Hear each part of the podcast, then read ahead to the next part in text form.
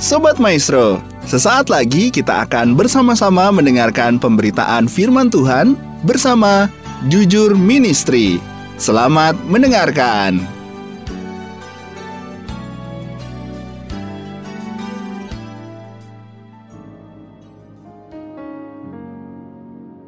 Shalom Sobat Maestro, jumpa kembali dengan saya Pendeta Thomas Lukiman dari Jujur Ministry. Visi dan misi dari Jujur Ministry adalah visinya melayani dengan kasih sesuai dengan perintah kerajaan Allah, menjadi perpanjangan tangan Tuhan bagi orang miskin sesuai dengan ayat firman Tuhan yang terdapat dalam Galatia pasal yang kedua, ayat yang ke-10, dalam Yohanes pasal yang ke-6, ayat yang ke-11, dan dalam Matius pasal ke-25, ayat yang ke-35 sampai ke-40. Misinya membantu mensejahterakan masyarakat yang miskin, membangkitkan empati bagi orang tua dan anak-anak muda yang memiliki gaya hidup berbagi dan memiliki hati yang berkemurahan.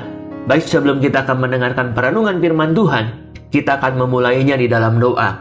Bapa di dalam nama Tuhan Yesus, kami mengucap syukur bila hari ini kami boleh menerima segala kebaikan-Mu dan anugerah-Mu yang berlimpah-limpah dalam hidup kami.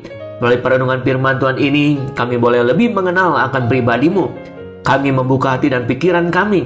Kami siap untuk diberkati oleh kebenaran firman-Mu. Di dalam nama Tuhan Yesus kami berdoa dan mengucap syukur. Amin. Sobat Maestro, tema firman Tuhan hari ini adalah bangkit dari keputusasaan. Semua orang pasti pernah mengalami yang namanya putus asa dan putus pengharapan. Di saat mengalami persoalan hidup yang terus-menerus datang menekan dengan tiada hentinya, pada titik klimaksnya kita menemukan yang namanya keputusasaan. Kita tidak tahu apa yang harus kita perbuat, apa yang harus kita lakukan, bagaimana tindakan kita.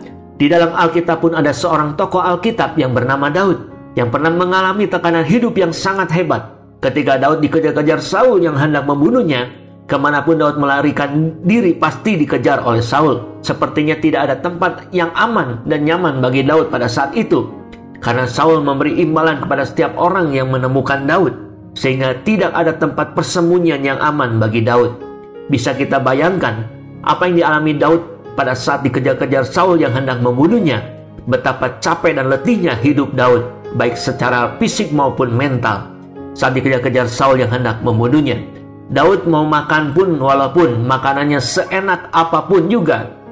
Rasanya Daud tidak ada selera untuk makan. Ketika Daud mau tidur pun, saya rasa tidak akan nyenyak tidurnya. Gusar semalaman. Baru tidur sebentar saja sudah terbangun Rasa-rasanya Saul ada di depannya sedang menghunuskan pedangnya. Sepanjang hidup Daud penuh dengan kegelisahan, dilingkupi dengan rasa takut yang sangat mencekam dalam hidupnya.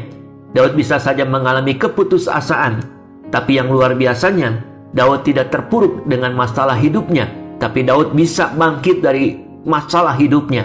Daud tidak putus asa, tapi Daud punya pengharapan dalam hidupnya. Daud tetap optimis dalam hidupnya. Daud tetap antusias dalam hidupnya. Mentalitas seperti inilah yang harus kita miliki saat kita menghadapi setiap persoalan dalam hidup ini. Bagaimana Daud bisa bangkit dari keputusasaan dan di saat dikejar-kejar Saul yang hendak membunuhnya. Mazmur pasal ke-138 ayat yang pertama dan kedua. Dari Daud aku hendak bersyukur kepadamu dengan segenap hatiku di hadapan para Allah aku akan bermazmur bagimu. Aku hendak sujud di ke, ke arah baitmu yang kudus dan memuji namamu oleh karena kasihmu dan oleh karena setiamu sebab kau buat namamu dan janjimu melebihi segala sesuatu. Yang pertama, Daud memperkuat pengenalannya akan Tuhan. Daud saat dikejar-kejar Saul, Daud semakin mendekatkan dirinya kepada Tuhan. Daud semakin melekatkan dirinya kepada Tuhan. Daud semakin intim dengan Tuhan. Karena apa? Karena nama Tuhan dan janji Tuhan melebihi segala sesuatu. Karena Daud sudah banyak mengecap kebaikan dan kemurahan Tuhan. Tidak salah kita sedang dalam masalah yang besar. Kita datang kepada Tuhan, rajin beribadah ke gereja, ikut kegiatan rohani. Ini semua Alkitabiah. Tapi ingat, kalau sudah dipulihkan oleh Tuhan, lalu diberkati oleh Tuhan, kita jangan meninggalkan Tuhan. Pada umumnya, kalau anak-anak Tuhan sedang mengalami masalah, bukannya memperkuat pengenalannya akan Tuhan, tapi mencari jalan keluarnya sendiri dengan mengandalkan kekuatannya sendiri, dengan mengandalkan kepintarannya sendiri, dengan memakai cara-cara dunia, dengan memakai pola-pola dunia, dengan memakai metode-metode dunia. Cara-cara inilah tidak alkitabiah. Kalau kita mengenal Tuhan dengan benar, maka kita tidak perlu takut lagi menghadapi segala hal dalam hidup ini karena nama Tuhan dan janji Tuhan melebihi segala sesuatu. Dengan hal ini, kita akan mengalami kemenangan demi kemenangan dalam hidup kita. Kita akan mengalami keberhasilan demi keberhasilan. Kita akan mengalami kesuksesan demi kesuksesan. Pastikan bahwa ada pengharapan di dalam setiap keadaan hidup kita. Perkuat pengenalan kita akan Tuhan di saat kita mengalami berbagai macam masalah dalam kehidupan kita. Semakin mendekatkan diri kita kepada Tuhan. Semakin melekatkan diri kita kepada Tuhan. Semakin intim dengan Tuhan Jangan mengandalkan kekuatan kita sendiri. Jangan mengandalkan kepintaran kita sendiri. Jangan pernah mencoba memakai cara-cara dunia, pola-pola dunia, dan metode-metode dunia.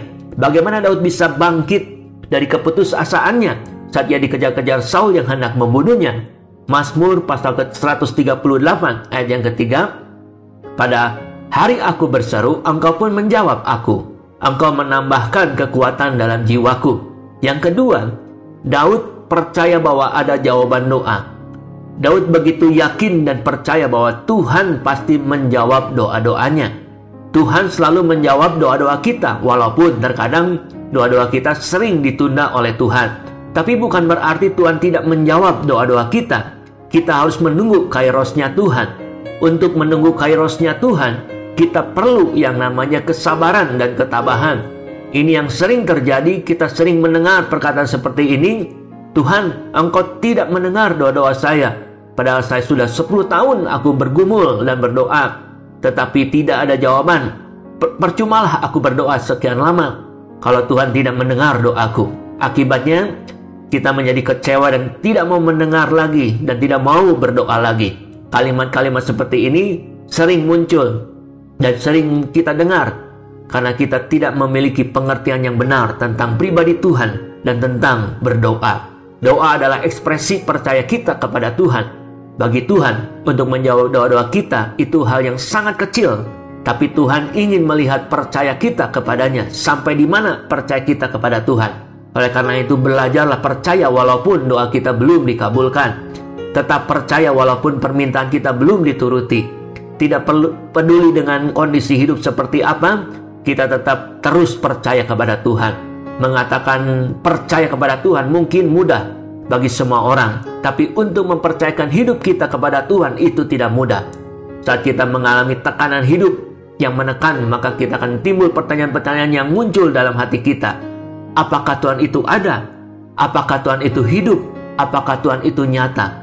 Maka timbullah yang namanya kekhawatiran, kegelisahan, dan ketakutan. Bagaimana dengan masa depan kita? apa yang akan terjadi di hari esok. Bagaimana Daud bisa bangkit dari keputusasaannya saat dia dikejar-kejar Saul yang hendak membunuhnya? Mazmur 138 ayat yang ke-8 Tuhan akan menyelesaikannya bagiku. Ya, Tuhan kasih setiamu untuk selama-lamanya. Janganlah kau tinggalkan perbuatan tanganmu. Yang ketiga, Daud percaya bahwa ada jaminan penyelesaian masalah dari Tuhan. Kita harus selalu berpikir dan bertindak atas dasar bahwa di dalam Tuhan pasti ada jalan keluar. Sesulit apa pun persoalannya, pasti ada jalan keluar yang tersedia. Kesulitan bukan akhir dari segala-galanya. Kesulitan bukanlah jalan buntu dari setiap masalah. Kesulitan adalah alat bantu kita untuk menemukan jalan keluar yang terbaik dari setiap masalah yang ada. Pencobaan-pencobaan yang kita alami ialah pencobaan-pencobaan biasa yang tidak melebihi kekuatan manusia. Sebab Allah setia dan karena itu Tuhan tidak akan membiarkan kita dicobai melampaui kekuatan kita. Pada waktu kita dicobai, Tuhan akan memberikan kepada kita jalan keluar sehingga kita dapat menanggungnya. Sobat Maestro, demikianlah perenungan firman Tuhan pada hari ini. Dan saya akan akhiri perenungan firman Tuhan hari ini di dalam doa.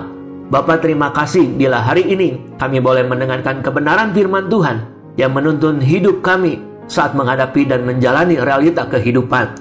Bagaimana kami mengatasi keputusasaan dalam hidup ini yaitu dengan memperkuat pengenalan kami akan Tuhan. Kami percaya bahwa ada jawaban doa ketika kami berdoa kepada Tuhan.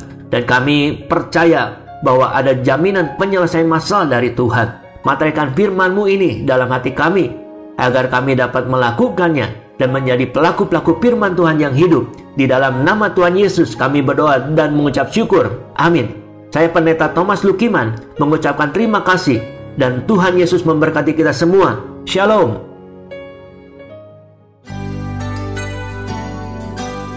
Sobat Maestro, kita baru saja mendengarkan pemberitaan firman Tuhan bersama Jujur Ministry. Terima kasih atas kebersamaan Anda. Tuhan Yesus memberkati.